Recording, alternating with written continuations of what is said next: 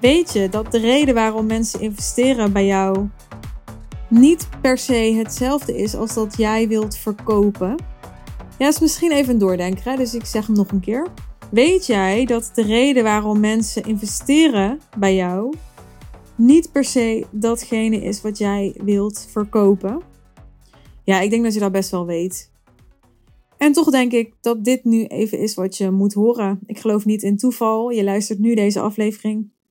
Dus laten we het erover hebben. Wat ik zo enorm veel zie gebeuren bij ondernemers is dat ze willen verkopen wat zij willen verkopen. Maar de kunst is dat je gaat verkopen waarin mensen willen investeren. Dan wordt je hele bedrijf zoveel moeitelozer.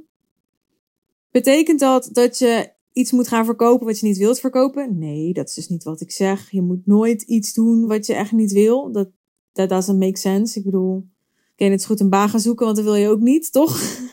je bent gaan ondernemen om te doen wat jij wil, dus doe dat vooral. Alleen, wees even zo strategisch als je jezelf een lol wilt doen. Om je bewust te zijn en om alert te zijn en om te onderzoeken wat het precies is dat mensen bij jou investeren. Wat het precies is dat mensen jou 10.000 euro betalen in plaats van 2000 euro. Wat moeten ze krijgen? Welk verlangen moet worden vervuld? Welk gevoel moet je ze geven? Of welke hoop moeten ze krijgen door je boodschap? Of welk perspectief moeten ze zien?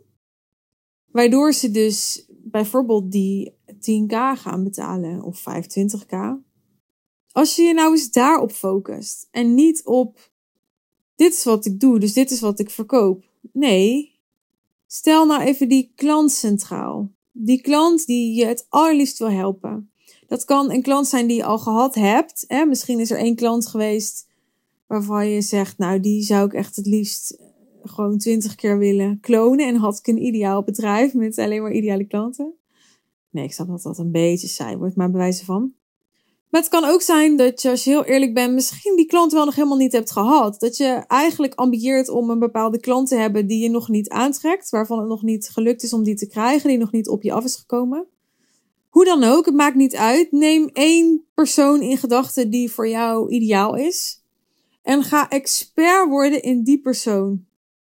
Vaak worden we zo in beslag genomen door de passie voor wat we doen, door de inhoud van ons werk, van onze trajecten, onze programma's, onze passie, onze visie, dat we veel te veel daarmee bezig zijn en veel te weinig tijd en aandacht besteden aan die ideale klant door en door leren kennen.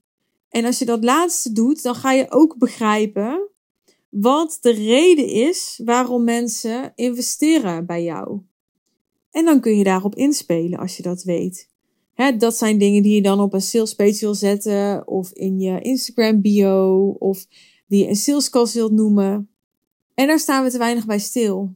Ik denk dat we veel te veel nog zitten in, nou, als ik maar zichtbaar ben en mezelf ben en mijn expertise laat zien, dan gaan mensen wel zien dat ik heel veel weet, dat ik hier goed in ben, hè, dat ik hier klanten heel goed mee help. Dan gaan ze fan van me worden, dan gaan ze me leuk vinden en dan gaan ze wel bij me investeren. Maar al die dingen zijn allemaal nog niet genoeg. Dus ja, natuurlijk helpt het heel erg als mensen fan worden van jou als persoon. En natuurlijk helpt het heel erg als ze zien dat jij heel goed werk doet met klanten en dat je fantastische testimonials krijgt en dat soort dingen. Maar wat ook heel goed helpt, is als jij snapt wat de reden is waarom mensen bij jou gaan investeren. En vaak heeft dat te maken met hun verborgen verlangens. En vaak komen we daar niet. Dus we blijven hangen in onze communicatie op de verlangens. En we gaan niet naar de verborgen verlangens. Als ik mijn eigen bedrijf even als voorbeeld neem. Uh, wat ik ook echt heb geleerd is. Het is nooit het verlangen van mensen om een bepaald geldbedrag te hebben of om een maandomzet te verdienen of geld als zich is niet wat mensen heel erg triggert. Ik had bijvoorbeeld als boodschap toen ik mijn intensieve drie maanden traject aan het promoten was, veel intensief, verdien 50.000 euro extra omzet in drie maanden tijd. Nou, ik vind het nog steeds een hele lekkere boodschap. Ik ben er vooral zelf heel enthousiast over. Maar ik merkte dat in de promotie, als ik mensen sprak, dat dat niet zozeer hetgene was waar ze op af waren gekomen. Het was veel meer dat ze een deadline hadden en nou ja, liet weten dat het één op één was, dat het intensief was. En het waren veel meer de, de kenmerken van het aanbod in combinatie met dat mensen mij al kenden, omdat ze mij al volgden en dus al enthousiast waren over mij en het idee hadden om al een keer met mij te werken misschien ook. Waarom ze instapten.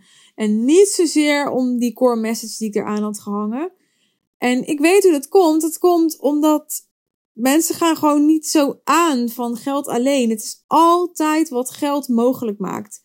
Het is altijd eh, niet alleen hè, wat ze kunnen doen met geld, maar bijvoorbeeld ook wie ze geworden zijn als ze, ik zeg maar wat, uh, drie ton hebben verdiend of een miljoen hebben verdiend. Of, hè, het is altijd het verlangen naar succesvol zijn. Het verlangen naar het gemaakt hebben. Het verlangen naar onder mensen zijn als gelijken die ook heel succesvol zijn. Het is altijd het verlangen naar dat als je zo'n bedrag verdient, dat je dan ook veel klanten hebt kunnen helpen. Dus er zijn altijd allemaal verlangens onder waar zo'n omzet, zo'n geldbedrag symbool voor staat. En natuurlijk zit er ook gewoon het verlangen onder om dingen te kunnen doen die belangrijk zijn voor iemand waar geld voor nodig is. Wat dat dan ook is. Ik sprak laatst iemand en zij wilde haar kinderen naar een speciale privéschool doen, was het geloof ik. En het was gewoon heel erg duur, tussen aanleidingstekens. Als in, dat kostte gewoon elke maand veel geld. Dus dat is dan zeker ook een motivatie voor iemand om meer te verdienen. Alleen dan ging het haar dus alsnog om dat dat geld haar in staat stelde om de ouder te kunnen zijn die ze wilde zijn, namelijk om de visie die zij heeft voor de opvoeding van haar kinderen uit te kunnen dragen en door te kunnen voeren in de keuze voor hun onderwijs. En zo geldt dat voor jou ook. Dat of dat je nou focust op wat je aanbiedt of wat het oplevert. Ik raad natuurlijk sowieso al aan om vooral op het tweede te focussen. Maar zelfs als je op het tweede focust, dan nog blijven we vaak te oppervlakkig daarin. Wat is de reden waarom mensen bij jou investeren? Dat hoeft niet alleen te maken te hebben met wat het oplevert, maar dat kan bijvoorbeeld ook te maken hebben met een bepaalde urgentie die ze voelen. Maar ook met een motivatie om echt een grote investering te doen. Want misschien zijn er ook wel goedkopere alternatieven voor een soort slap aftreksel van de oplossing die jij biedt. Maar kiezen ze ervoor om veel geld te investeren? Bijvoorbeeld om, ik weet dat een motivatie van uh, sommige mensen om veel geld te investeren is discretie bijvoorbeeld. Hè, dus er is iets psychisch dat als jij bijvoorbeeld uh, eh, BN'er bent of je hebt een andere publieke functie, dan voelt het vaak gewoon veiliger om naar iemand toe te gaan die je heel veel betaalt. Omdat je dan het gevoel hebt van oké, okay, dan is de kans kleiner dat iets uitlekt of hè, dat die persoon dus niet discreet is. Of dat zijn allemaal van die dingen die misschien wel gewoon mindfuck zijn. Ik, ik heb niet uh, onderzoek gedaan naar of dat het echt klopt. Maar dat zijn allemaal dingen die dus een reden kunnen zijn om bij jou te investeren. En dan zit jij over hele andere dingen te praten, terwijl eigenlijk gaat jouw klant gewoon om deze veiligheid, hè, deze vertrouwelijke setting. Dus het is zo belangrijk om expert te worden in jouw ideale klant. Dat is echt jouw takeaway voor deze aflevering. Daar ga ik hem ook mee afronden. Super dat je er weer bij was, dat je hebt geluisterd. Ik vind het heel tof als je wilt reageren op deze aflevering in mijn DM's op Instagram. Dus uh, voel je welkom om dat te doen. Laat me weten wat er resoneerde bij jou in deze aflevering. Volg je mijn kanaal al op Spotify of ben je geabonneerd bij iTunes bijvoorbeeld? Zo niet, dan uh, doe dat even. Dan blijf je op de hoogte van nieuwe afleveringen van mijn podcast. En denk je, Suus, ik wil met jou werken. Ik heb genoeg gehoord, ik heb genoeg gezien. Ik wil op zijn minst met je in gesprek om te kijken of we een match zijn. Dat kan natuurlijk ook. Je kunt je call boeken met mij via de link in de omschrijving bij deze aflevering. Heel graag tot de volgende keer. Bye bye.